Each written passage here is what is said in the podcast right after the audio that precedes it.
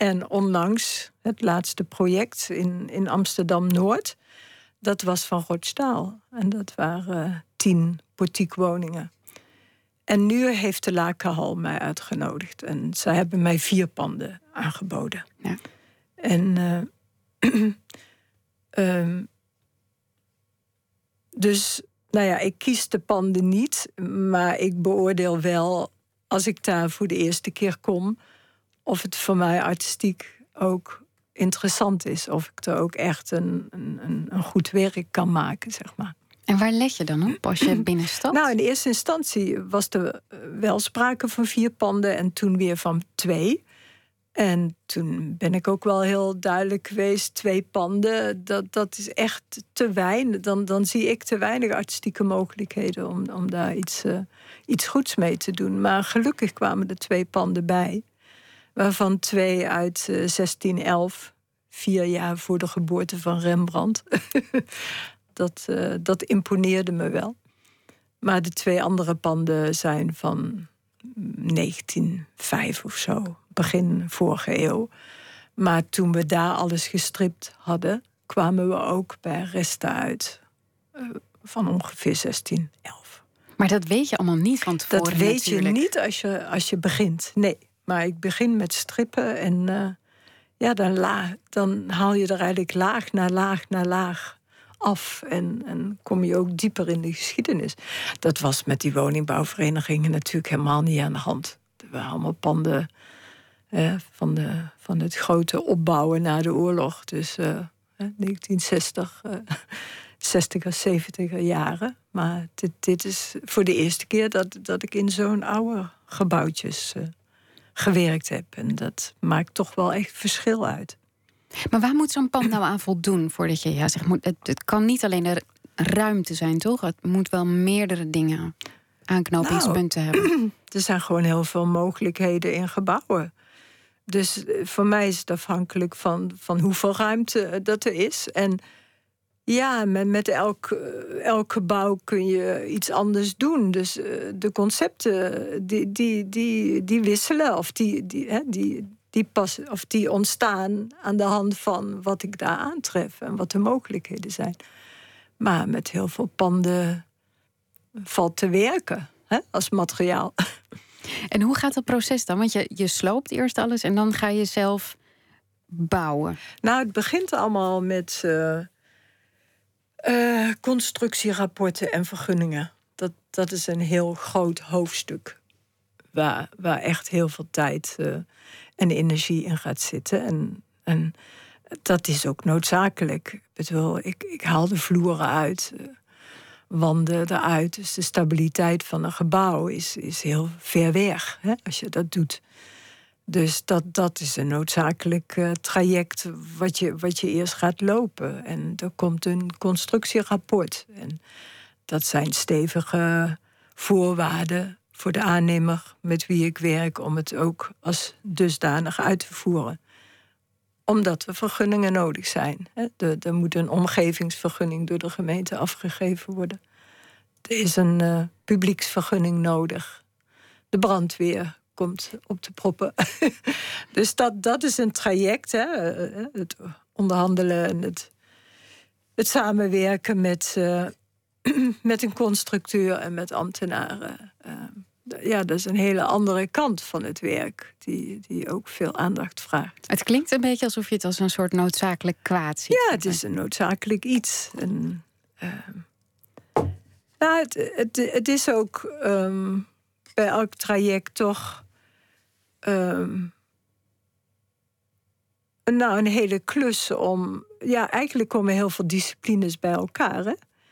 En um, het, het vergt van, van al die mensen ook heel veel om in, in het denken van een kunstenaar, uh, om, om daarin mee te gaan. En, en voor mij weer in het denken van een constructiebedrijf en, van ambtenaar. Dus eigenlijk eh, ja, moet, je, moet je bij elkaar komen. En het, het doel is natuurlijk om een kunstwerk neer te zetten. Dus het artistieke, mijn artistieke agenda is natuurlijk belangrijk. Daar, daar, gaat het gewoon om. Daar is het om begonnen. Dus um, Maar dat zegt de brandweer natuurlijk ook. Die zegt: Mijn, mijn, mijn agenda is ook het belangrijkste. Tuurlijk. Dus dat moet allemaal gehonoreerd worden en je moet allemaal bij elkaar uitkomen. Ik voel heel sterk, maar als ik artistiek niet kan doen, als ik weet dat ik artistiek niet kan slagen, ja, dan ga ik niet 4,5 maand heel extreem werken. Wat heeft het dan voor zin? Dus het heeft met uh, ja, overtuigingskracht te maken en het heeft met heel veel overleg te maken, waardoor ook een, een constructeur echt zicht krijgt op wat ik wil en welke aanpassingen, uh, op welke manier de, de technische aanpassingen het beste gerealiseerd kunnen worden. Dat die gerealiseerd moeten worden, dat is een feit. En dat onderschrijf ik natuurlijk ook helemaal. Het moet gewoon veilig zijn. Maar je moet er wel uitkomen samen. En dat is ook elke keer gelukt. Maar dat zijn hele trajecten die je loopt. Zijn dat frustrerende trajecten of niet? Nee, nee in die zin niet. Maar ze zijn tijdrovend. En uh, ja, daar moet je gewoon veel aandacht aan besteden. En ja, wat ik zei, die, die werelden, die manieren van denken... die moeten bij elkaar komen. Dus het vergt ook van iedereen best veel. Maar ik tref ook steeds mensen uh, die, die ook die bereidheid hebben om, uh, om, om daaruit te komen. We zijn er ook steeds uitgekomen. Dus. Ik heb, er, zijn, er zijn documentaire, er is een documentaire te vinden op, uh, op internet van, van jou terwijl je aan het werk bent. En het deed mij ergens ook een beetje denken als. Um, bijna als een soort ridder die het gebouw bevecht. Het is, oh. Je probeert het op de knieën te krijgen. Alles ja, ja, ja. wordt anders. Mm -hmm. Um, voelt dat ook zo? Is het, een, is het iets wat tegenstribbelt? Nou, ik, ik zeg wel eens gekscherend van uh, een gebouw uh, biedt heel veel weerstand. Maar, hè, maar uiteindelijk, uh, ja, dat zijn dan panden die, die, die de mens honderd jaar gediend hebben. Of de, deze panden nog veel langer, vier eeuwen. Hebben die panden de mens gediend en helemaal op het eind van hun leven moeten ze nog in een artistieke vorm uh, geduwd worden. Ja, en, ze geven heel veel weerstand. Maar uiteindelijk geven ze zich wel gewonnen. Jij wint wel altijd. nou ja, of ik dat ben, maar uh, ook in de samenwerking met een gebouw kom je een heel eind als je dat goed doet. ik kreeg ook heel erg het gevoel dat dat de reden is dat je zo van gebouwen houdt. Dat ze een beetje weerbarstig zijn. Ja, dat weerbarstige is wel. Eh, ja, een gebouw geeft zich niet zomaar gewonnen. Nee, dat, is zo. En uh, ja, weerstand is een mooi begrip natuurlijk, hè, wat dat in een mensenleven doet. of als begrip aan zich is het, is het een heel boeiend, uh, boeiend begrip de meeste mensen denken daar redelijk negatief over. Dus net als chaos of verwoesting of weerstand dat, of ongeluk. Dat, dat is eigenlijk iets negatiefs. Maar ik denk dat dat een hele beperkte, beperkte manier van kijken is naar die uh, begrippen. Jij, jij vaart er eigenlijk wel bij. Nou, ik weet ook, uh, de wetenschap die, uh, die uh, heeft een hele positieve, of ja, de wetenschap, over wie heb ik het dan? Dat is zo breed. Maar um, ik weet dat de wetenschap ook wel werkt met het begrip beperking. Ja, dat is net zo'n begrip. Weerstand, beperking. Misschien moeten we het over beperking hebben. Um, beperking kan ook aanzetten om tot het uiterste te gaan. En de wetenschap heeft dat heel hard nodig. Ik bedoel, uh, vaak in het tot het uiterste gaan. Hè? Niet opgeven, maar uh, je extreem inzetten om een oplossing te vinden. Dat is een hele goede kwaliteit natuurlijk. Voor jou is Pam het... Emmerich is net overleden. Die, die wil ik nog even mhm. noemen. Ik had uh, een interview met haar gelezen. En zij noemde ongeluk humus van het leven.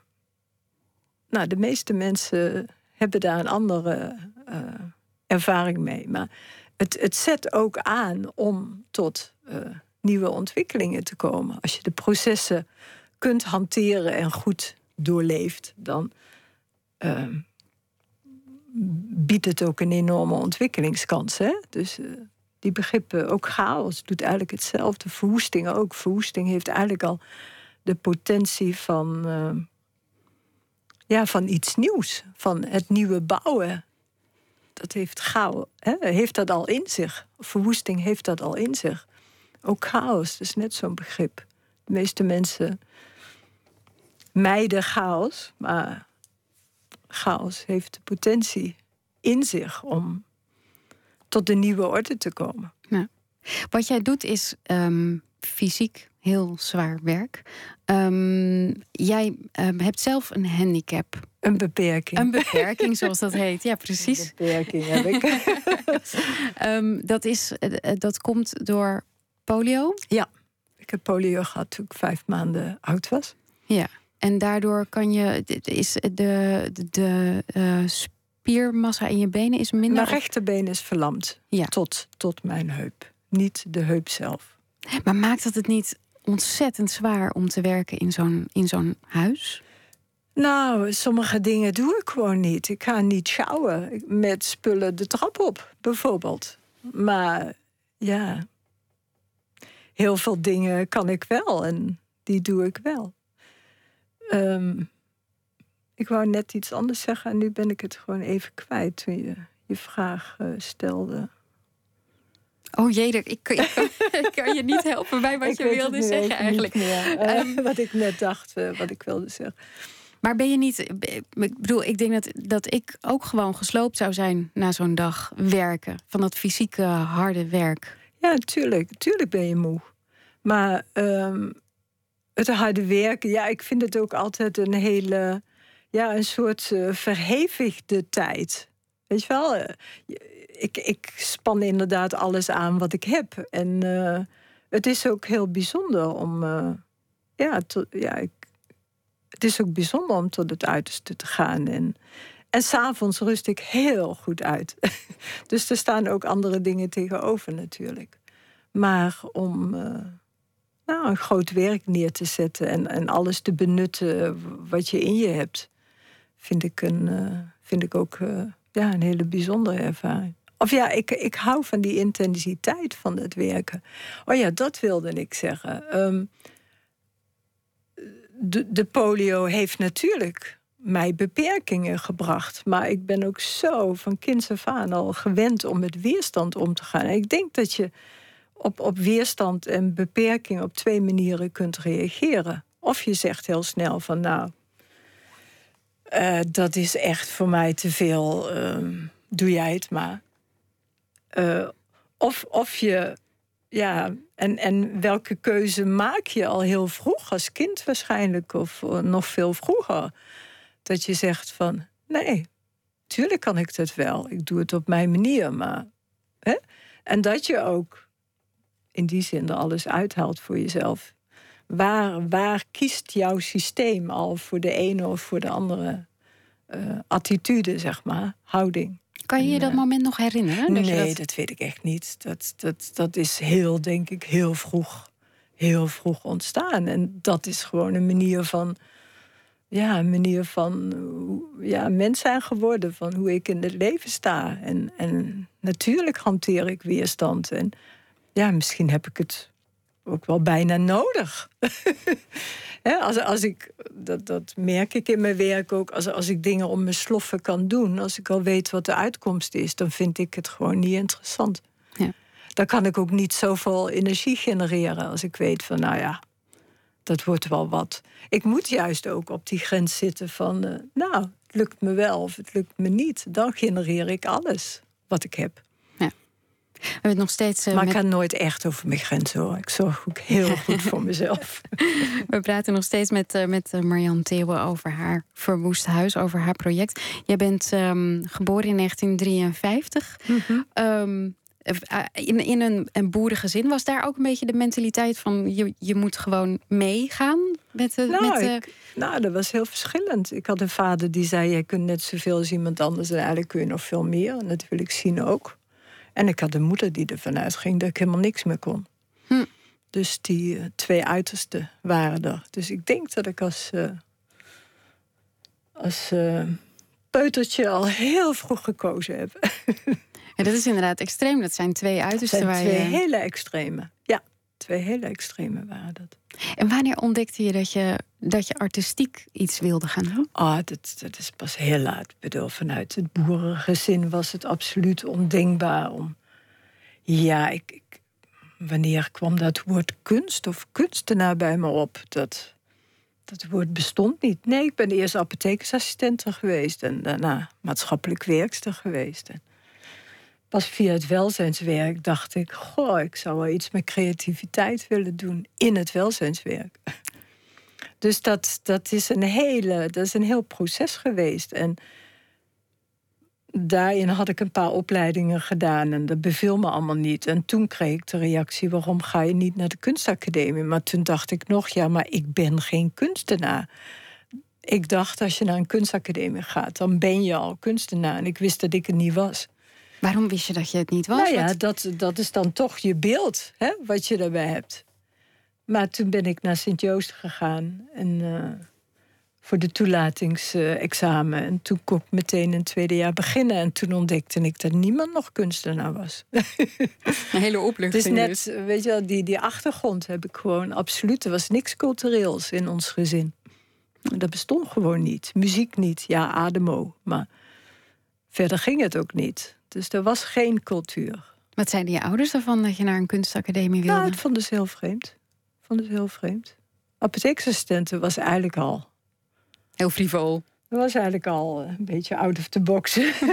Maatschappelijk werkster ook. Dus ehm de kunstacademie begrepen ze niet. Helemaal niet. Maar ja, langzamerhand eh, ja, open je ook. Ja, mijn ouders zijn overleden, maar toch ook voor je familie en, en voor je zussen en broer. Open, ja, is er toch ook een, op, een wereld open gegaan. En kunnen ze ook heel goed eh, daarnaar kijken. En, en daar zijn ze ook wel trots op. Het is toch Dus dat zijn mo- mooie processen ook. Ja. Ja, maar het laat ook heel erg zien hoe, ehm, als je ergens van overtuigd bent, dat je er ook gewoon vol voor gaat uiteindelijk. Ja, en dat zien ze natuurlijk bij mij.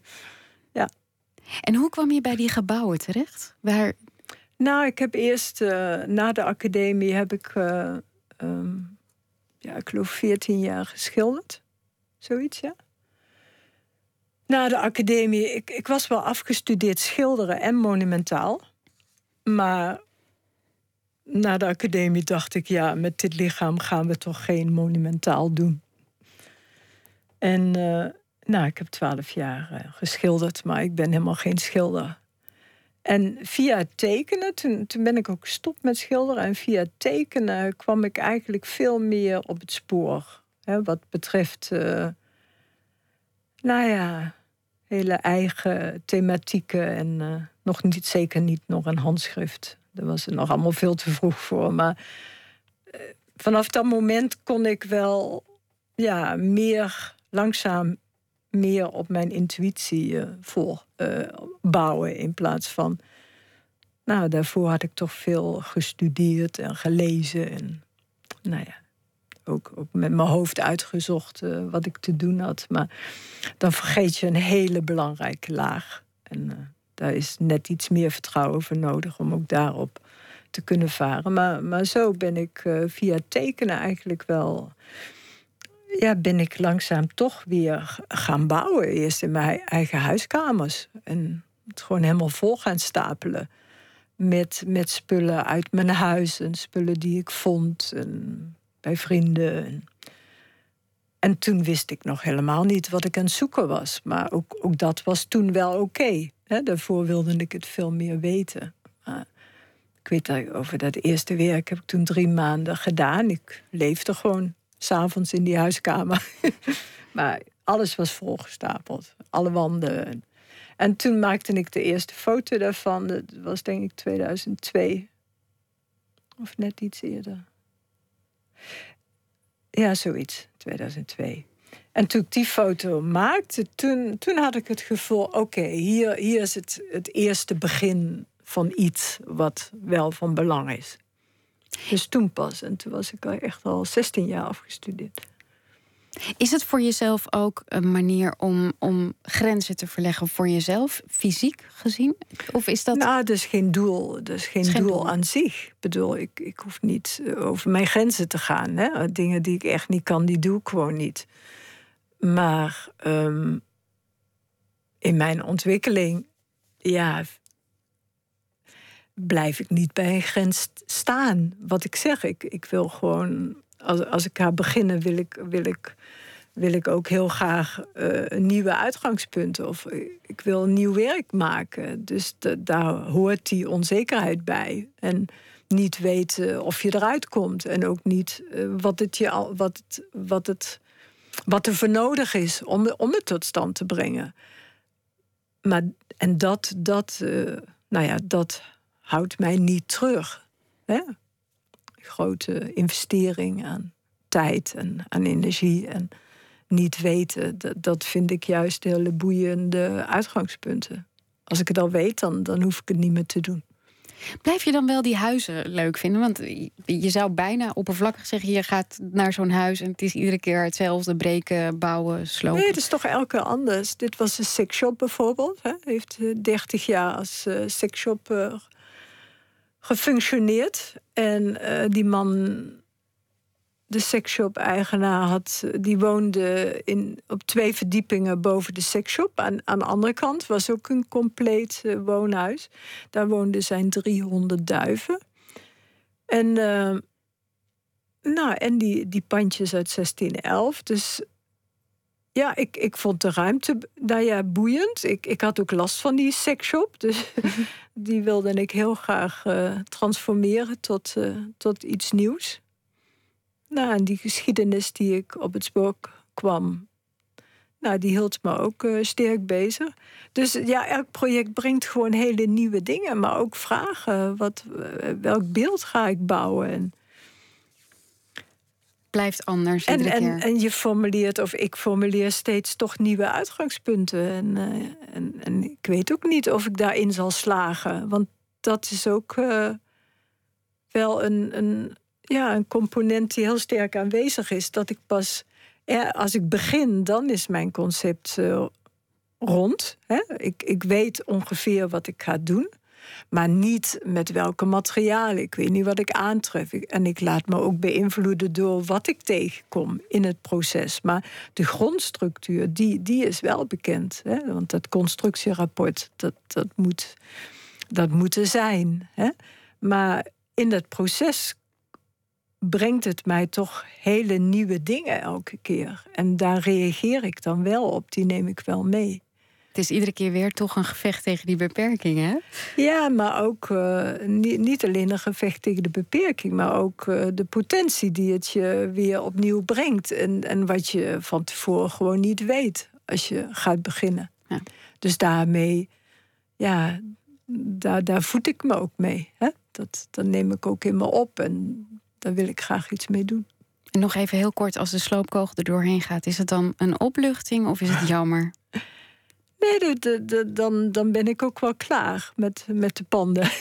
dan is het opengesteld geweest. En ik, ik heb het zelf tot, uh, nou ja, meestal goed einde gebracht. En de, dan vind ik het ook helemaal goed dat, dat het plat gaat. Dat uh, die tijdelijkheid, hè, dat, dat vind ik ook een heel essentiële component van mijn werk. Het, het, komt tot bloei, maar het gaat ook weer plat. En, dat is met ons mensen precies zo. We komen tot bloei, maar het verval zit ook al in ons. Dus ja, is we gaan ook weer neer. Ja. nou, op 6 eh, september gaan de panden neer. Of in ieder geval, dan kunt u er niet meer heen. Naar uh, Leiden aan de Lammermarkt.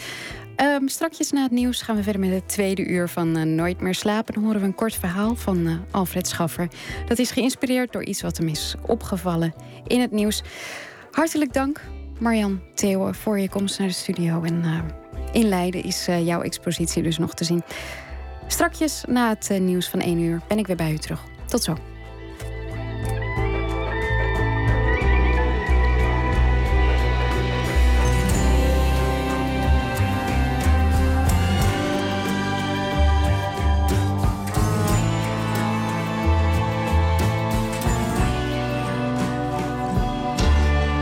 Radio 1, het nieuws van alle kanten.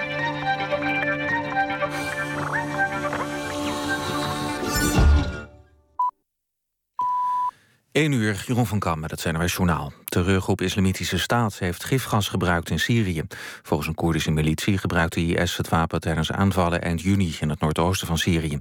De Koerden konden nog niet zeggen welk gifgas er is gebruikt. Aan Koerdische kant is niemand aan het gifgas overleden. Volgens de Koerdische militie zijn de strijders die aan het gas zijn blootgesteld op tijd naar het ziekenhuis gebracht. Het Syrische Observatorium voor de Mensenrechten in Londen zegt ook bewijs te hebben dat IS gifgas heeft gebruikt. Het is niet de eerste keer dat IS wordt beschuldigd van het gebruik van gifgas. Ook in Irak zou er gebruik van gemaakt zijn. Het kabinet wil het medisch beroepsgeheim inperken om fraude met uitkeringen tegen te gaan. Als justitie fraude vermoedt met een arbeidsongeschiktheids- of zorguitkering, moeten verzekeringsartsen en medische adviseurs een patiëntendossier afstaan als justitie daarom vraagt. Dat schrijft Dagblad Trouw, dat het conceptwetsvoorstel in handen heeft. De nieuwe wet is twee jaar geleden al aangekondigd. Aanleiding was een zaak met twee psychiaters die aan fraude met WHO-uitkeringen en pgb's hadden meegewerkt. De overheid was daardoor voor tientallen miljoenen euro's benadeeld. In Irak zijn bij een bomaanslag meer dan 100 mensen gedood... die het einde van de Ramadan vierden. De bom ging af op een druk marktplein in een plaats... ten noordoosten van hoofdstad Bagdad. Onder de doden zijn veel kinderen. Terug op Islamitische Staat heeft de verantwoordelijkheid... voor de aanslag opgeëist. Het aantal gewonden bij het treinongeluk in Zuid-Afrika in Johannesburg is opgelopen tot zeker 300. Er zijn tot nu toe geen doden gemeld.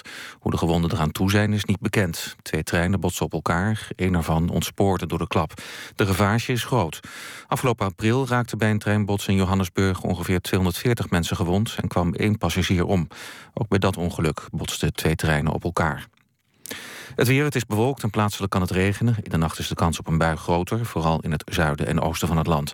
Morgenochtend is het overal weer droog en gaat de zon schijnen. Het wordt dan 20 tot 25 graden. Dit was het NOS Journaal.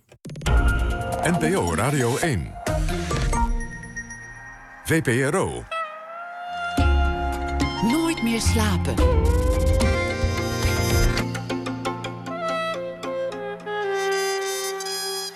Met Floortje Smit. Goedenacht en welkom terug bij Nooit meer slapen. U kon er niet omheen de afgelopen dagen. Een jaar geleden stortte de MH17 in Oekraïne neer. Wie ervoor verantwoordelijk was, weten we officieel nog steeds niet. Straks hoort u een reportage over Boek M1, een expositie in Amsterdam die precies die schuldvraag aan de orde stelt. En wie verzint toch al die namen op de Nederlandse straatnaambordjes? Dat komt straks aan bod in de serie Ongesigneerd. Maar we beginnen met proza. Dat reageert op het nieuws van vandaag. Deze week bezorgd door de in Zuid-Afrika wonende Alfred, Alfred Schaffer. Hij debuteerde in 2000 met de dichtbundel Zijn opkomst in de voorstad. En daarna volgden bundels als Dwaalgasten, Schuim, Kooi en het meest recent uit 2014 Mens, Dier, Ding. Goedenacht, Alfred. Hallo Floortje, goedenavond of goedenacht. Goedenacht. Um, ik ben heel benieuwd waar jij je door hebt laten inspireren vandaag. Ja, het was uh, een, een, een, dag waarop meerdere dingen mogelijk waren natuurlijk. Natuurlijk uh, uh, de herdenking van de, van de ramp met de MH17. Waar ik, eh, merk ik nu dat ik zo op zo'n afstand zit in Zuid-Afrika... natuurlijk wel iets van af weet. Maar het echte trauma zoals jullie dat in Nederland voelen... dat heb ik toch niet helemaal meegemaakt. Dus het is toch wat nieuws veraf, hoe tragisch ook. Nou, ik hoorde het nu net in het nieuws ook weer uh, noemen bij jullie... Hè, dat er uh, twee treinen op elkaar zijn gebotst in Johannesburg. Dat is wel een grote gebeurtenis. Maar uh, waar ik ehm, iets over geschreven heb... is, is een bericht dat wat kleiner van aard is misschien... maar een, een, een, bericht dat je hier vaak tegenkomt... en dat is van ja, een babytje of een, of een klein kind... dat weer ergens gevonden is...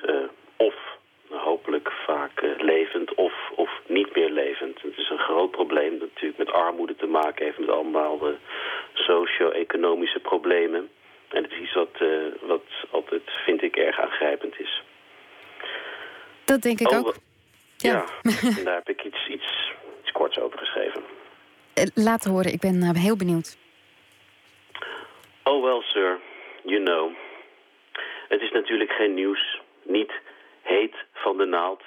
De mensen willen actie, een natuurramp, een economische crisis, een terroristische aanslag.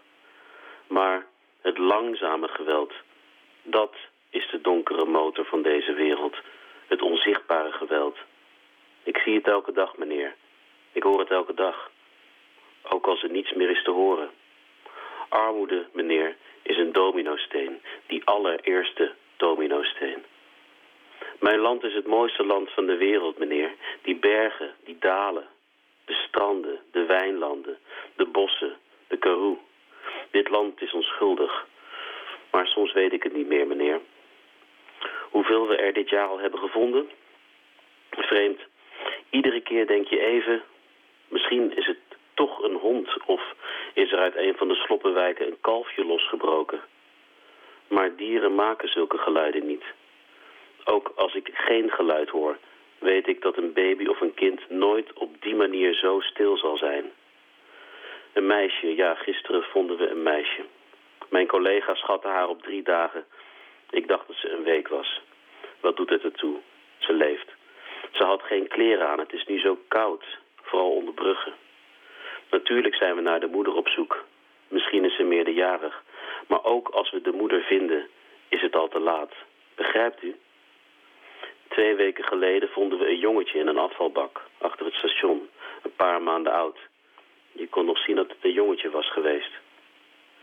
Toen ik bij de politie ging, had ik dit allemaal niet voorzien. Dit is een bijzonder land, meneer. Er wordt hier veel gelachen, veel gehuild. Wat moet je anders? Soms maakt het krijsen me wakker. Dan drink ik wat. Daarna gaat het weer. Het babytje van gisteren is trouwens in goede handen. Er wordt goed voor haar gezorgd.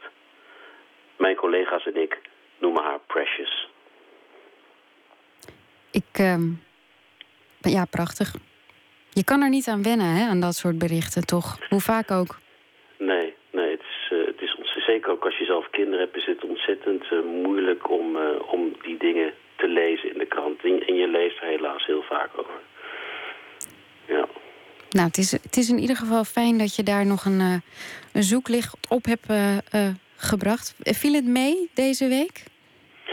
Ja, het was, het was heel bijzonder om dit te kunnen doen. Om ik volg het nieuws in dit land, waar ik nu al heel lang woon natuurlijk heel goed. Maar je let toch even net iets beter op, op verhalen. op de radio of in de krant. Als je weet dat je daar iets mee kunt doen op de Nederlandse radio. Ik vond het een, een bijzondere uitdaging, zal ik maar zeggen. En inspirerend ook misschien? Ja, absoluut. Ja ja, ik vond het een, een, hele bijzondere week. Al was het wat laat. ja, dat, uh, dat blijft zo. Ja. Oké. Okay. Hartelijk dank, uh, Alfred Schaffer, voor jouw uh, bijdrage deze hele week. Graag gedaan en goedenacht. Goedenacht. Okay. Joshua Tillman, die kennen we als folk-songwriter Jay Tillman. En als drummer van The Fleet Foxes. Zijn nieuwe alter ego is Father John Misty. En met I Love You Honey Bear wilde hij een eerlijke plaat over de liefde schrijven. Dit staat erop: Nothing ever good happens at the goddamn thirsty crow.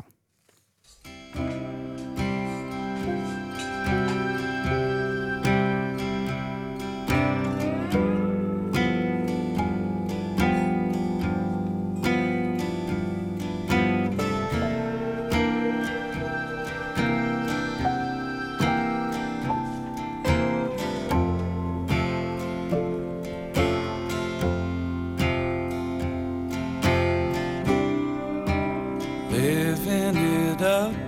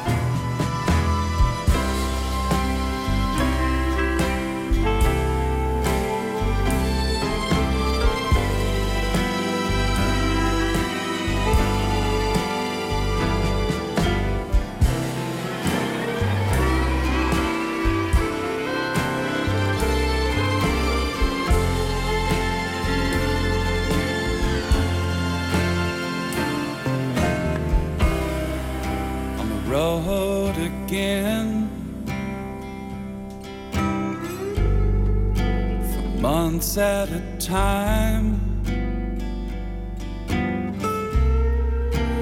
Doesn't take half that long for men about town to forget what's mine.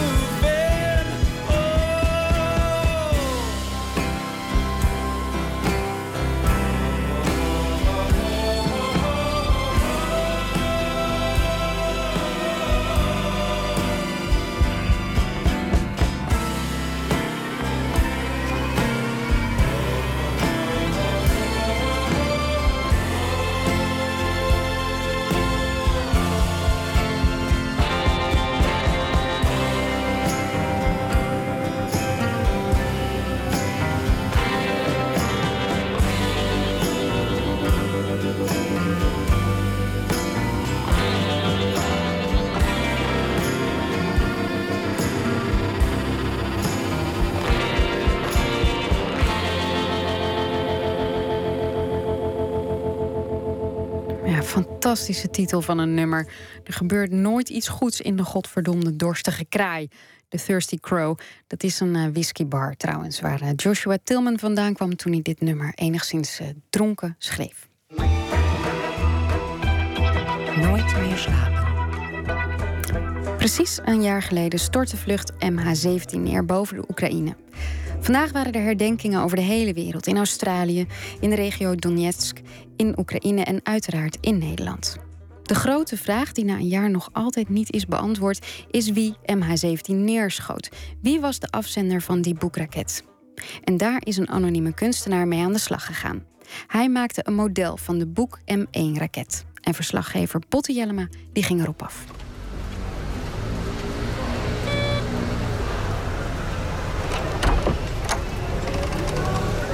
Hoi, hallo. Dankjewel. Dag, ik ben Botte. Ik ben ook. Ja, ik heb het graag om het te zien.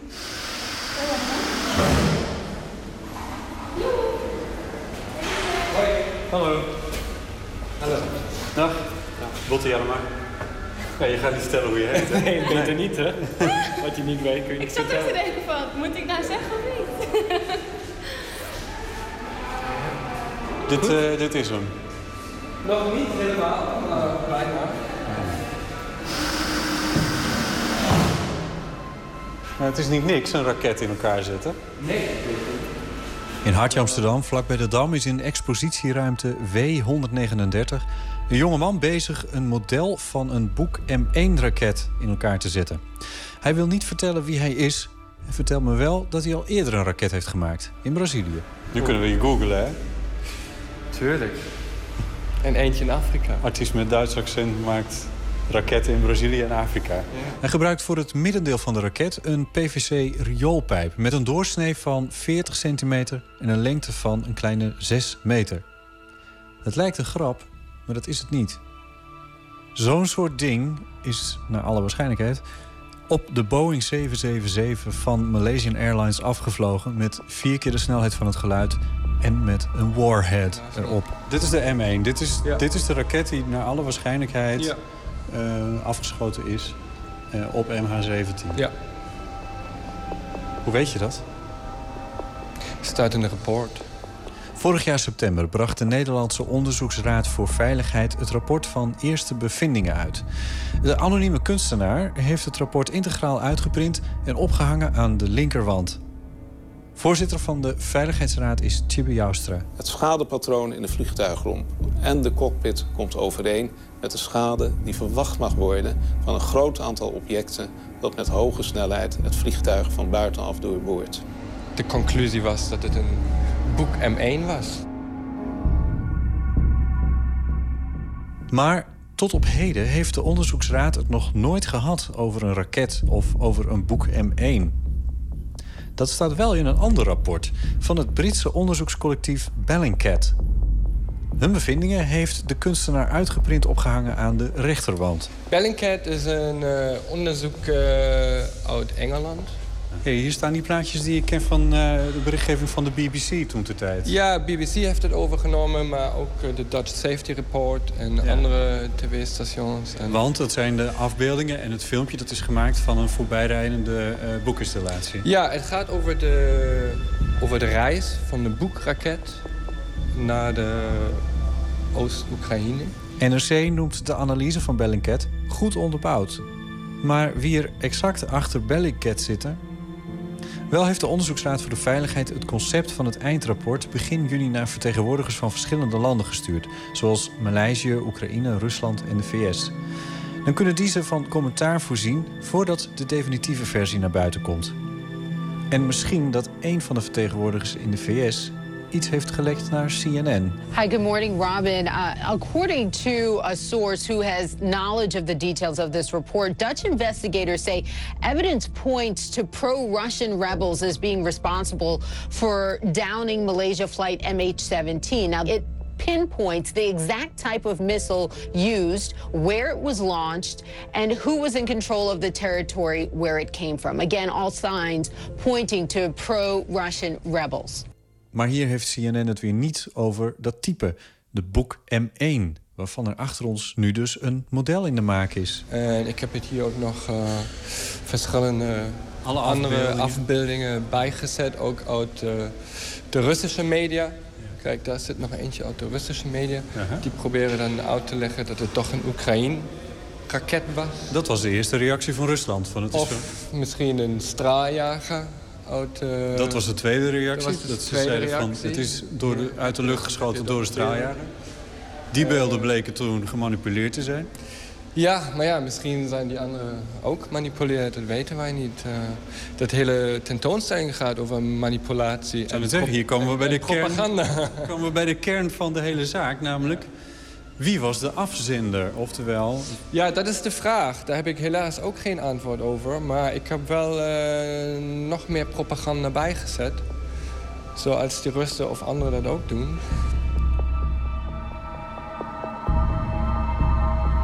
Als ik als journalist een gesprek met iemand aan ja. ga... Dan, dan doe ik altijd een paar dingen. Dan probeer ik zo goed mogelijk te achterhalen...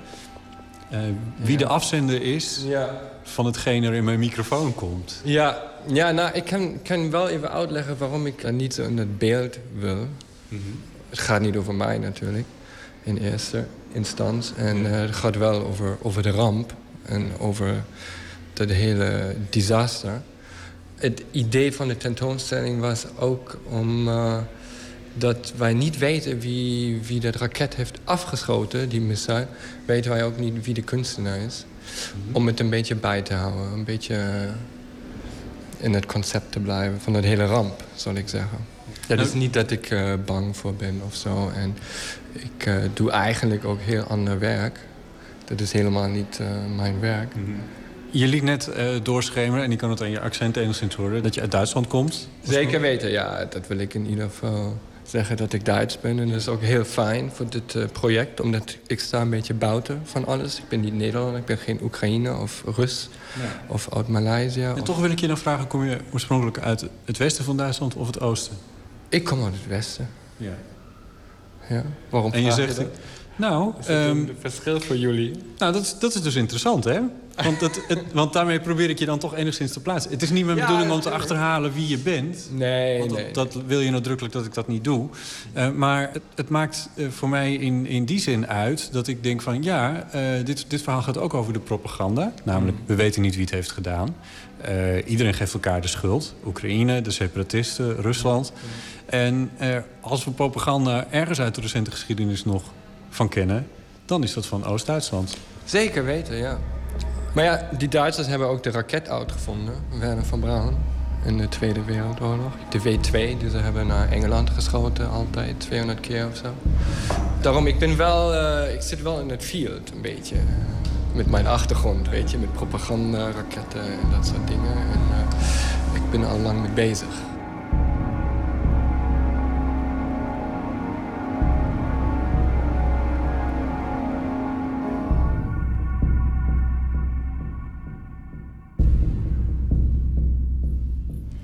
Wij weten niks eigenlijk. En ze weten Stoort je toch, dat? Nou ja, ze weten toch veel over ons. Welke muziek wij luisteren, welke bonuskaarten wij gebruiken bij de Albert Heijn, waar we met de tram naartoe gaan. En, eh, Wie bedoel je met ze? ja, ja, de overheid, dat eh, weet ik zeker. Dat ze weten wat ik bij de Albert Heijn koop. Of eh Ja, ja. welke Maar goed. film ik in, in de Ja. bioscoop ga kijken. En wanneer ik met de tram ga rijden. Als ze dat willen weten, dan komen ze daar wel achter. En suggereer je daarmee ook dat ze, er, dat er, ze dus de, de, de overheden en de, de inlichtingendiensten... eh, eigenlijk wel in jouw ogen niet anders dan kunnen weten... eh, wie de MH17 naar beneden heeft gehaald? Nou, met dat budget wat het ministerie van Defensie heeft... zal ik toch hopen dat ze dat weten of kunnen uitvinden. Als ze dat met dat budget niet weten... dan weet ik eigenlijk niet wat wij voor een soort defensie hebben hier. Ik ben wel zeker dat ze dat weten. En, eh, Zo, zo lijkt jouw expositie ook een beetje te zijn. Want je opent ermee op de dag dat het op de kop af een jaar geleden is... eh, dat het vliegtuig eh, neerstortte. Je toont hier een op waarde groot een model van die Boek 1-raket. dat is toch wel even steken, dat is toch wel even prikken. Ja, dat is wel op de punt. Weet je, je kunt ook eh, zonnebloemen opzetten. En eh, er is ook een officiële herdenking natuurlijk. Maar daar ben ik eigenlijk niet mee bezig. Dat is voor de overheid om eh, daarvoor te zorgen dat het goed komt. Ehm, ik probeer hier niet een cynische opmerking te maken of zo. Nee, dat is wel... ik probeer de oorsprong te vinden.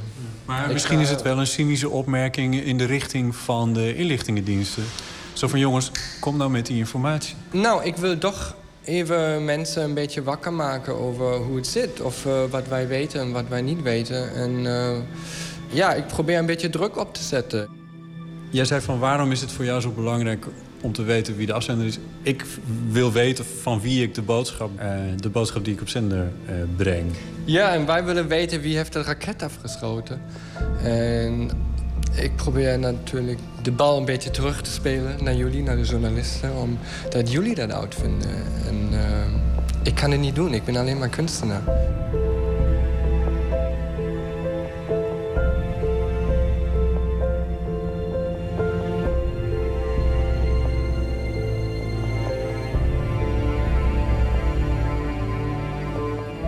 U hoorde de anonieme kunstenaar. En hij heeft eh, tegen Botte Jellema verteld dat hij eh, na afloop gaat vertellen wie die is. De tentoonstelling van het model van de Boek M1-raket, de tekeningen en het propagandamateriaal is alleen dit weekend te zien in W 139 in Amsterdam.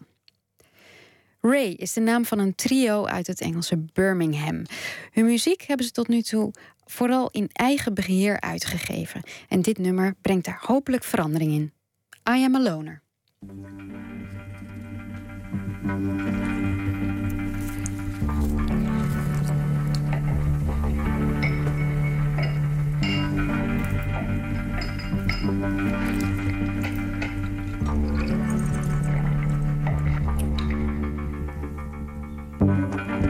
under your window. Been since night. Losing my patience. Waiting all night. Said if I was lonely, to give you a call. Course you don't pick up now. And I'm not lonely at all.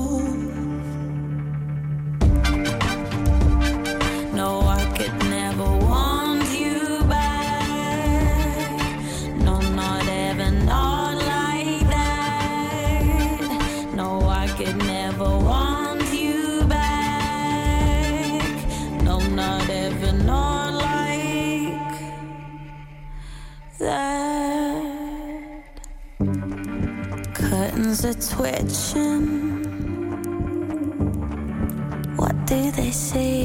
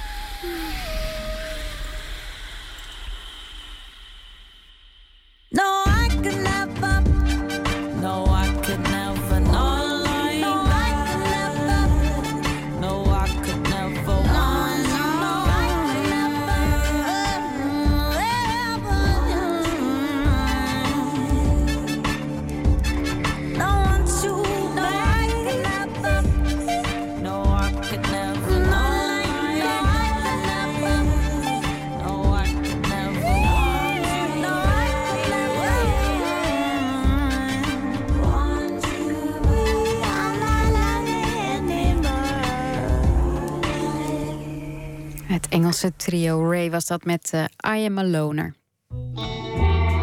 Nooit meer slapen. Iedere vrijdag bellen we voor een eh, culturele tip met een van VPRO's smaakmakers. En vandaag doen we dat met Tom Klaassen, presentator van Vrije Geluiden op Radio 4. Het programma dat zich richt op eh, klassieke en nieuwe muziek. Goedenacht, Tom. Hoi Floortje, hallo. Hi. Het is zomer en dat eh, betekent dus eigenlijk festivals. En het lijkt wel alsof er elke weekend wel iets te doen is. Pop en metal en rock natuurlijk. Dance. Ehm, maar er is er ook een voor klassieke muziek, Tom. Vertel. Ja, dat klopt. De, de, de markt voor eh, popfestivals is volgens mij volledig overvoerd. Maar eh, de klassieken die hobbelen daar dan altijd een beetje achteraan. Maar nu is er dan Wonderfeel. En Wonderfeel, dat is een... eh, ik, vind trouwens een hele curieuze naam. Ik heb geen idee hoe ze daaraan komen en wat het precies betekent. Maar goed, het doet er niet toe. Eh Wonderfeel duurt drie dagen op landgoed Schaap en Burg in Schravenland. En eh, dat begint volgende week vrijdag, 24 juli. En dan worden er zo'n drie dagen lang ongeveer 100 concerten gegeven. Van 12 uur s middags tot middernacht. En dat zijn concerten die de volle breedte van de klassieke muziek bestrijken. Dus er is barok, er is renaissance, er is nieuwe muziek, er is elektronica. En er zijn daarnaast ook nog eh, is er een randprogrammering van documentaires en lezingen, jonge wetenschappers, columnisten. Dus het lijkt voorwaar wel eh, Lowlands. Moet jij ook in een tentje eigenlijk? Ja, dat, dat was precies het eerste wat ik me ook afvroeg. Ehm, maar klassieke muziek zou de klassieke muziek niet zijn als ze, rekening, als ze geen rekening zouden houden met de enorme hoeveelheid eh vijftigers die erop afkomen. Dus je kunt kamperen, maar het hoeft niet. Ze hebben arrangementjes geregeld in eh, zo'n beetje alle hotels in het gooi. Dus, eh, dus iedereen die te veel last van zijn rug krijgt van een matje... die eh, kan gewoon naar een hotelletje in Hilversum of in Bussum of in Laren.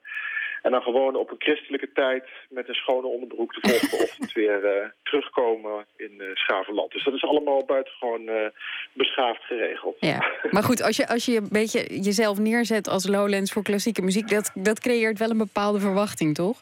Ja, ja, vind ik wel. Ja. En, uh, ik, ik, denk, ik denk dat het vooral de bedoeling is uh, dat ze een jongere doelgroep aanspreken. Want de, de, de, het publiek voor klassieke muziek vergrijst uh, flink. En het toverwoord is laagdrempeligheid geworden. Dat hoor je echt overal. Dus dat betekent dat klassieke muziek moet die lastige, hoogdrempelige, elitaire zalen uit... waar mensen niet in durven. Hè. Mensen gaan moeilijk naar het concertgebouw... Dus uh, klassiek moet uh, gezellig worden, moet een happening worden... en uh, een beetje onderdeel van een ander soort programmering. En daarmee hopen ze volgens mij een jonger publiek aan te boren. En daarom hebben ze het een en ander van, van popfestivals binnengehaald. Dus een bredere programmering en van alles op een hoop. En de concerten duren bijvoorbeeld ook veel minder lang op Wonderfield. Ze duren ongeveer, ik geloof, drie kwartier tot een uur. Net als bij, net als bij popconcerten.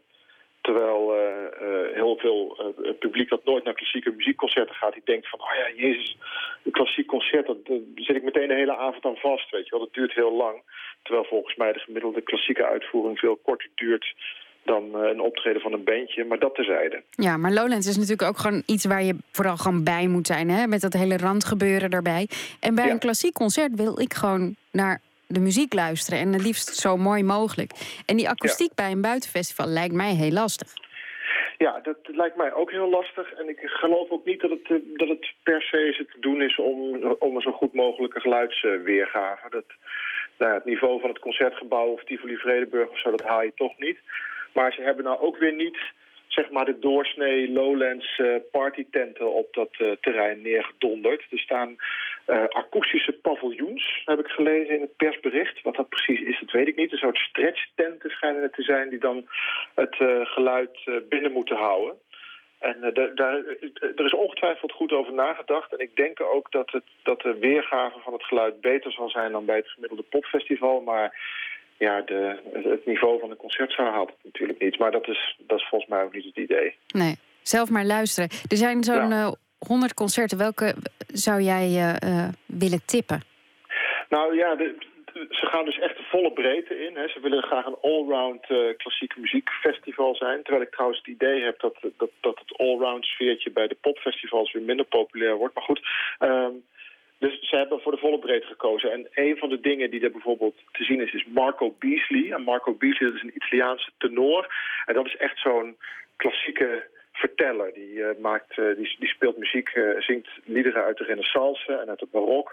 Middeleeuwse zagen en legenden. En daar wordt echt zo'n kampvuursfeertje gecreëerd van, van... Ik zal u eens een verhaal vertellen, weet je wel. En de, uh, de muziek die daarbij zit, uh, die daarbij gespeeld wordt, is van Guillaume Dufay. Dat is renaissance muziek. En helemaal aan de andere kant van het spectrum staat uh, gitarist Aart Strootman. En Aart Strootman die gaat een stuk van Steve Reich spelen, de minimal music componist. Electric Counterpoint heet dat stuk. En dat duurt eigenlijk 15 minuten. En in die 15 minuten hoor je 15 gitaarpartijen die als een lappendeken over elkaar heen liggen. Maar Aard die gaat ze allemaal één voor één opnemen tijdens dat festival. En daardoor duurt het optreden dus bij hoge uitzondering vier uur lang. En uh, dat wordt een soort hallucinerend klanktapijt... waarbij de mensen maar een beetje uh, op het veld uh, iets blauwe hinein moeten gaan liggen staren, denk ik. Want uh, met de aard ben je, wel even, ben je wel even bezig. En dat belooft dus een soort psychedelische klankervaring te worden. Dat is dan toch weer wat anders dan Marco Beasley. Dus dat is een beetje wat het vermag. Ja. Ik ben wel echt heel benieuwd of jongeren dit nou echt heel erg, erg leuk vinden. Hè? Want het zou eigenlijk veel logischer zijn. Je zei het net al, om dat gewoon op popfestivals toch te doen. Ja, ja, dat ben ik, het, nou, het kan geen kwaad om het een keer te proberen. Uh, en ik uh, denk ook dat het meer jongeren trekt dan het gemiddelde klassieke concert. Maar het ligt inderdaad veel meer voor de hand om klassieke muziek als randprogrammering te voeren bij een festival dat sowieso al veel jongeren trekt. En het op die manier aan de man te brengen. Lowlands doet dat, hè. daar staat het Concertgebouworkest dit jaar. En voorgaande jaren hadden ze ook al klassieke programmering. Ik weet niet of dat ook het concertgebouw was. Maar dat is in ieder geval elke keer een groot succes. Het Ragazzi Quartet heeft er een keer gestaan. En die staan dan echt voor een, voor een afgeladen tent uh, staan ze muziek te spelen. En uh, uh, volgende week is er ook een, een soort techno-elektronica-achtig festival in Utrecht. Dat heet Stekker. En eh, die hebben nu ook een uh, klassiek pianist ingevlogen. Francesco Tristano heet hij. Een hele serieuze meneer die opneemt voor uh, Deutsche Grammophon. En die gaat tijdens dat Stekkerfestival gaat hij een lichtconcert geven. Dan mag iedereen plaatsnemen op het podium van Tivoli Vredenburg. En dan gaat hij uh, nieuwe muziek vermengen met oude muziek. En daar komen geloof ik ook nog synthesizers aan te passen en zo. En nou ja, dat is natuurlijk ongeheurd in de klassieke wereld dat je het podium op mag komen. Maar dat, dat gaat dus gebeuren. En ik denk, als je diep in mijn hartje kijkt, dat dat een, een, een betere manier is om klassieke muziek aan de jonge man of vrouw te brengen. Ja. Nou, je hebt mij in ieder geval heel nieuwsgierig gemaakt. Dankjewel, Tom, voor deze concerttips en je toelichting natuurlijk. Graag tot een volgende keer. Wie meer wil weten over klassieke en nieuwe muziek, die kan natuurlijk terecht op de website vpro.nl/slash vrije geluiden. En we blijven nog even bij de muziek, want zo nu en dan laten we in Nooit meer slapen onverwachte covers horen. En deze kent u vast in het origineel wel. Fire, die klassieke hit van Bruce Springsteen. En dit is wat er gebeurt als Bad for Lashes, het alter ego van de Britse Natasha Khan, het onderhanden neemt.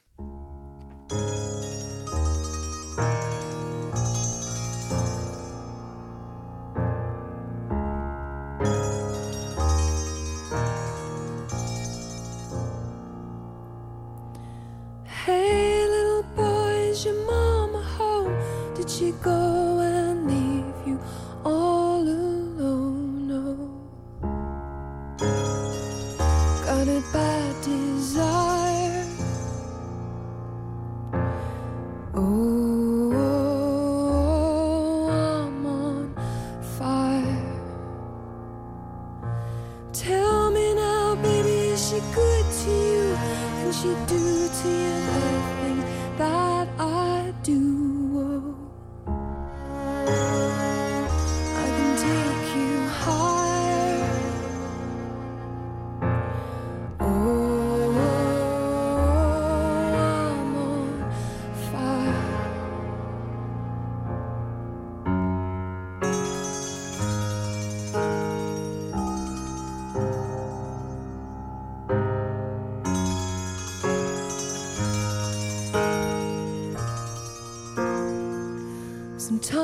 like someone took a knife, baby, edgy and blunt, a six inch valley through the middle of my soul.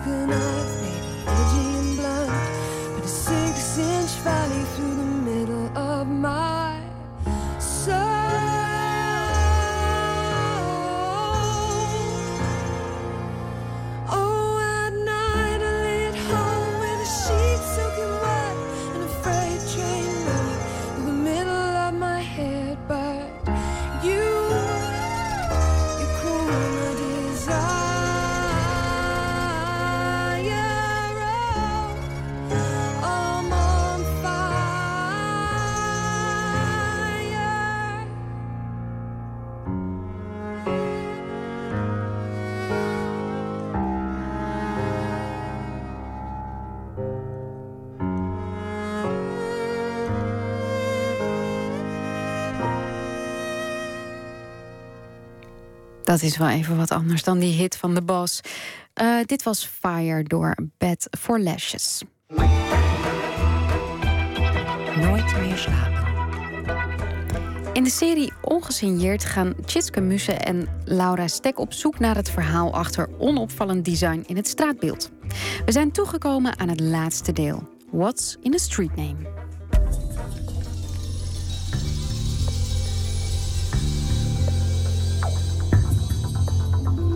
Laura, als ik zeg Chopinlaan, wat stel je je daar dan bij voor? Een hele chique laan met uh, nou, ook zo'n chic type boom. Dure auto's. Ja, een beetje waar artsen en advocaten wonen, zeg maar zo'n buurt. En het Ella Fitzgerald pad? Het Ella Fitzgerald pad. God, ik vind het wel creatief in ieder geval. Waarom zou je... Waarom niet? Ella Fitzgerald, ja, ik vind het gewoon een beetje gezocht of zo. Misschien gaat het nog gebeuren dat ik op het Justin Bieber plantsoen terechtkom. Dat zou wel echt. Maar ja, mensen moeten dus natuurlijk constant nieuwe straatnamen verzinnen, want er wordt constant gebouwd. En je moet wat. Nee, ik. Uh... Het is inderdaad, nu ik over nadenk, kan je alles wel belachelijk maken. Maar ik heb eigenlijk echt te doen met de mensen die het moeten bedenken.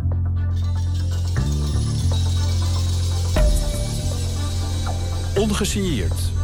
Een serie over onopvallend design.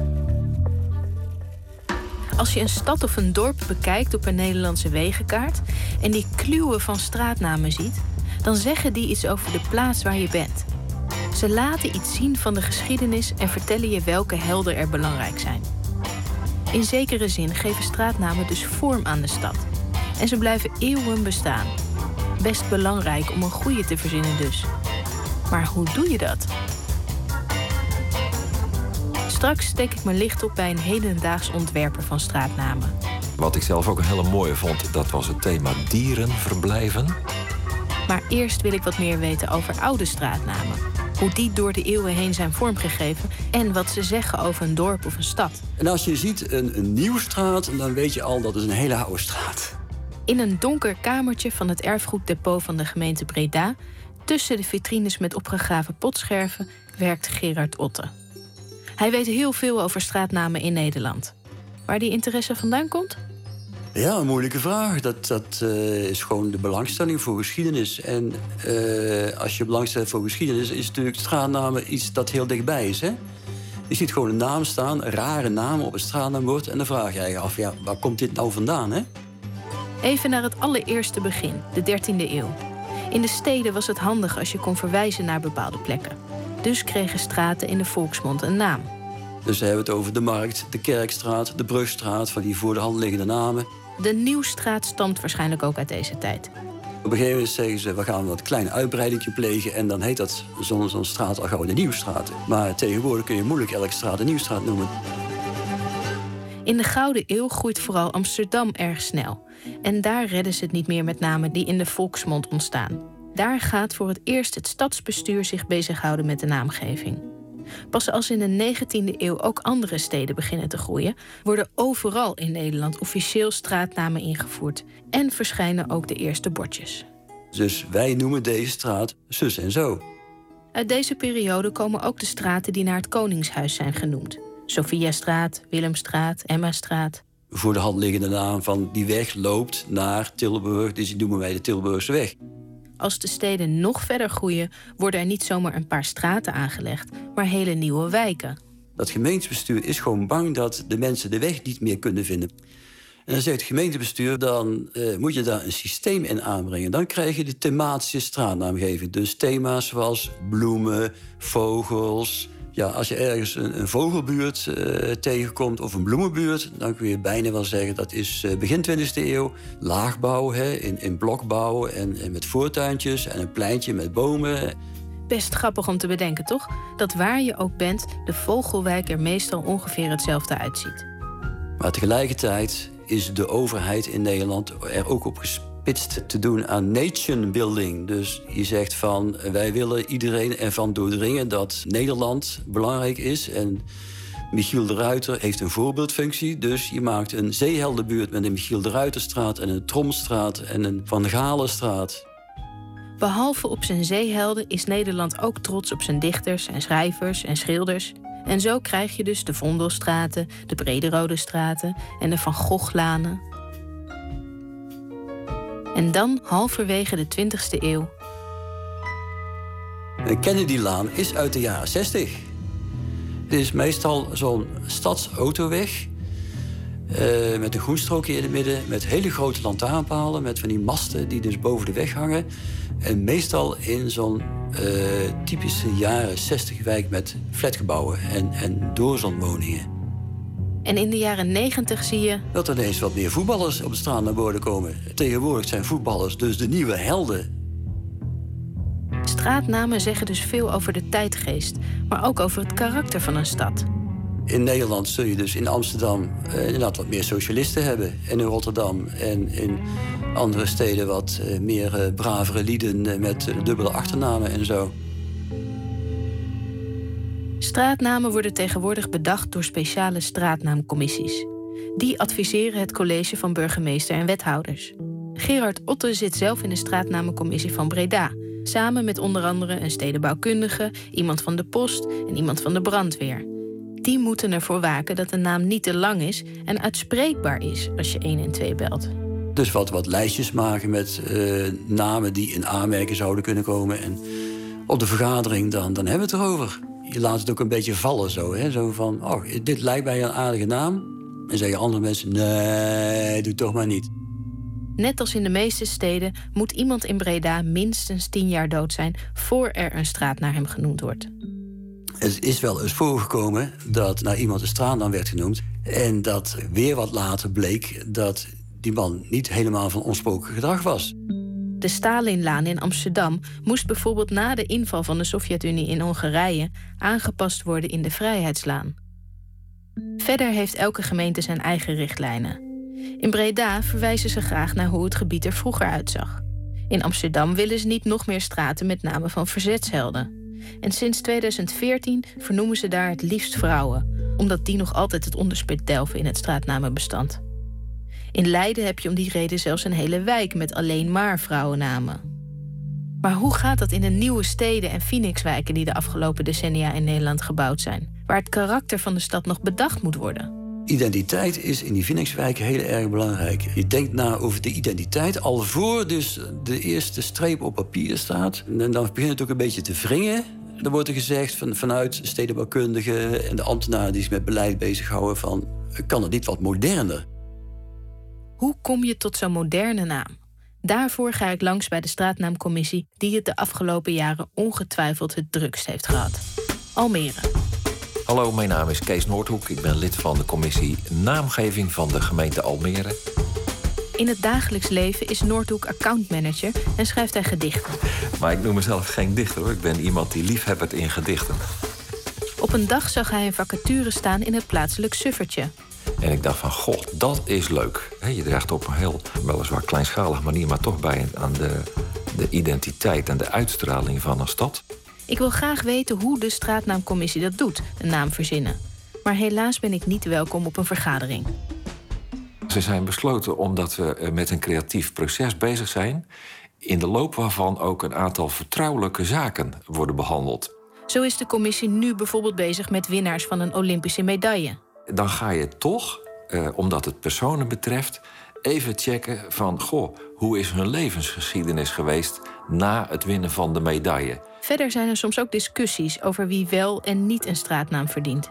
De een die vindt toch dat dat een eh, volstrekt acceptabele figuur is... en de ander is het daar gewoon diametraal tegenovergesteld niet mee eens. En dan is er nog een derde reden waarom ik er niet bij mag zijn. Een straatnaam die moet ook gewoon eh, klinken. En daar bedoel ik ook mee, hij moet uitspreekbaar zijn. Dat toetsen we gewoon tijdens zo'n eh, eh, commissievergadering. Dat levert natuurlijk allerhande meer of minder komische, hilarische... dan wel erotische of sensuele associaties op. Nou, dat, dat lijkt gewoon niet, niet handig om dat in de openbaarheid te doen. Heeft u een voorbeeld van een straatnaam die een erotische associatie oplevert? Nou ja, een van de straten die heet de Jol-Hulstraat. Persoonlijk vind ik het een buitengewoon ongelukkig klinkende naam. Maar de associatie met Jan Lulstraat die ligt natuurlijk erg eh, voor in de tong. Kees Noordhoek en zijn commissie worden ingeschakeld als de stedenbouwkundigen een plan hebben om in een bepaald gebied te gaan bouwen. Daar staan al heel voorzichtig wat lijntjes in getekend. Van nou, dit is de omvang van het gebied. Daar komen waarschijnlijk de, eh, eerste grote doorgaande straten. En op dat moment dan kunnen we wel als naamgevingcommissie daarmee aan de slag gaan. In Leidse Rijn zijn er veel straatnamen die eindigen op weide, verwijzend naar de weilanden die er voorheen lagen. En in Winterswijk komt nu een nieuwbouwwijk die verwijst naar de voetbalclub die voorheen op die plek bestond. Helaas heeft die club te weinig sterren afgeleverd om er een wijk naar te vernoemen. Dus heeft de straatnaamcommissie in Winterswijk het maar gehouden bij straatnamen als Lat, Stip en Tribune. Omdat Almere pas sinds de jaren 70 bestaat en er voor die tijd geen voetbalclub, maar alleen maar water was, heeft de commissie vrij spel. Het kan. In Almere. We hebben inderdaad een aantal straatnamen die zijn heel eigentijds. Bijvoorbeeld popmuzici, die hebben ook een plekje gevonden in de muziekwijk. Zoals het Ella Fitzgerald-pad dus. Dat is iets wat ik in weinig andere steden tegenkom. En dat vind ik toch wel echt wel aardig. Want het is natuurlijk een essentieel element van onze hedendaagse cultuur. De stripheldenbuurt kom je ook maar weinig tegen. Almere haalde er zelfs het nieuws mee. Ja, dat klopt. De stripheldenbuurt dat is een gekende buurt van eh, namen die veel eh, commotie hebben opgeroepen. De Tante Pollewopstraat, de Tommy en Brommystraat, de Marsupilami-hof en dergelijke. Ja, aan de andere kant, iedere stad in Nederland heeft natuurlijk een zeeheldenbuurt, een transvaalbuurt, een grote schildersbuurt. Ja, we proberen wat dat betreft toch ook wel in een nieuwe stad ook een aantal nieuwe thema's naar voren te brengen die aansluiten op de actualiteit. Maar het is niet zo dat er thema's zijn waarvan jullie zeggen van ja, dat, dat past gewoon niet bij, bij Almere. Dit zijn wij niet. Ehm, nee, daar kan ik me eigenlijk niet zo goed bij voorstellen. Want eh, Almere is een open stad. Dus waarom zouden wij ons afsluiten voor bepaalde thema's? Maar niet iedereen is daar altijd blij mee. We hebben een keer eh, geprobeerd om een wijk eh, de Sprookjeswijk te noemen. Ja, het leek ons gewoon echt een, eh, een heel eh, verfrissend en origineel thema. Alleen als je daar dan een bedrijfsterrein in moet gaan vestigen... ja, ja, ja, ja. Een onderneming in de Repelsteeltjestraat, dat minder. Minder geschikt, ja. Wat ik zelf ook een hele mooie vond, dat was het thema dierenverblijven. Zoals bijvoorbeeld nest, holletje, gangetje, eh, eh, eh, noem het allemaal maar op. Ja, noem het allemaal maar op. Dat is dus nog best wel lastig. De commissie kon er in ieder geval niet meer dan een stuk of twaalf bedenken. En dat was een reden om het thema te laten vallen. En dan komt er na een paar jaar toch nog een nieuw straatje of een zijstraatje of wat dan ook. Dan heb je weer een naam nodig. En ja, dan is er niks. Dat is ook niet prettig. Dat is de reden dat hij is afgevallen. Ja, ja dat, dan wil het gewoon niet. Aan de andere kant, ja, stel je voor dat je woont op het rolletje nummer 8. Dat is toch ook, ik moet er ook wel een beetje om lachen, eerlijk gezegd. Ja, de- de- dat wil niet echt. Nee. Dus dat, dat betekent dat een, een thema waarvan je aanvankelijk denkt: van, oh, dat is leuk, gaan we doen. Dat, eh, daar kunnen we wat mee. Ja, dat dat bij nader inzien toch gewoon wordt verworpen omdat het ja, te weinig productief is. Of te veel associaties in ongewenste richtingen geeft. Ja, dan kan je er niks mee. Het is makkelijk om er een beetje lacherig over te doen. Die tamelijk willekeurige keuze van straatnamen. Maar er zitten toch best wel wat haken en ogen aan het kiezen van een straatnaam. Nog even terug naar Gerard Otte uit Breda. Die heeft een ideetje. Het oude systeem dat straatnamen in de volksmond ontstaan... is eigenlijk eh, een, een magnifiek systeem geweest. Je krijgt hele leuke namen, hele afwisselende namen. Maar je kunt eh, dat niet forceren. Hè? Dat is een, heel praktisch probleem, is dat. Eigenlijk zou je zeggen van... eh, leg die wijk maar aan, geef er geen straatnamen aan... Eh, heeft al, elk huis maar een nummertje. En dan moeten de bewoners zelf maar straatnamen gaan verzinnen. Want dan krijg je natuurlijk namen die gevormd worden in de volksmond. Ben ik benieuwd.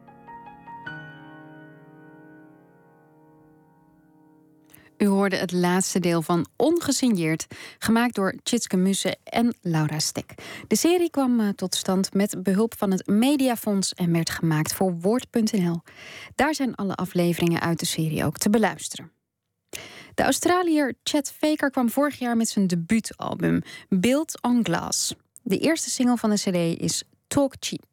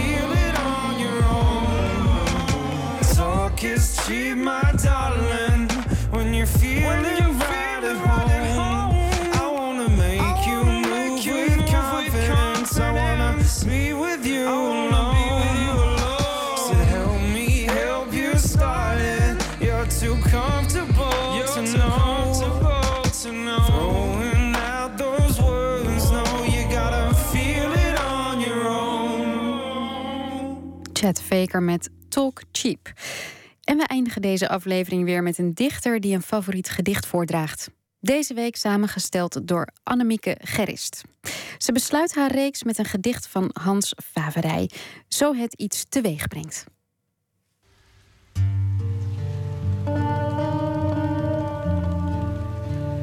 Dit gedicht is van Hans Favrij, uitgegeven bij de Bezige Bij en komt uit de bundel Grisante Roeiers. Een van zijn eh, bekendste bundels. Ik vind het een ontzettend mooi gedicht, omdat van al zijn gedichten die iets ehm, verdrietigs of iets droevigs in zich hebben, maar ik vind het een heel mooi. Ik vind zijn verdriet en zijn droefheid iets heel moois hebben, niet iets zwaars, maar gewoon mooi. Eh, vind ik dit wel het meest verdrietige mooie gedicht. Het gedicht heeft geen titel. Zo het iets teweeg brengt en zich heeft vergeten. Is het te vergeefs en in Gods naam? De volstrekte leegte in elk ding, die werkelijk is en als zodanig werkzaam is en zich vermengt met de echo van het laatste woord, dat niet meer over de lippen wil, die lippen eerst nog liefkoost en daarna zonder schroom aantast. Dit hopeloos ontbreken, dat overal knopen legt in water en een naald is in brood. En daarmee zijn we aan het einde gekomen van deze twee uur Nooit meer slapen van vandaag. Maandag zijn we er weer en dan komt Jort Kelder, oud-hoofdredacteur van Quote, presentator en graag geziene talkshowgast. Dat onder meer maandag. Strakjes kunt u luisteren naar Woord. En ik wens u voor nu een hele fijne, prettige nacht toe.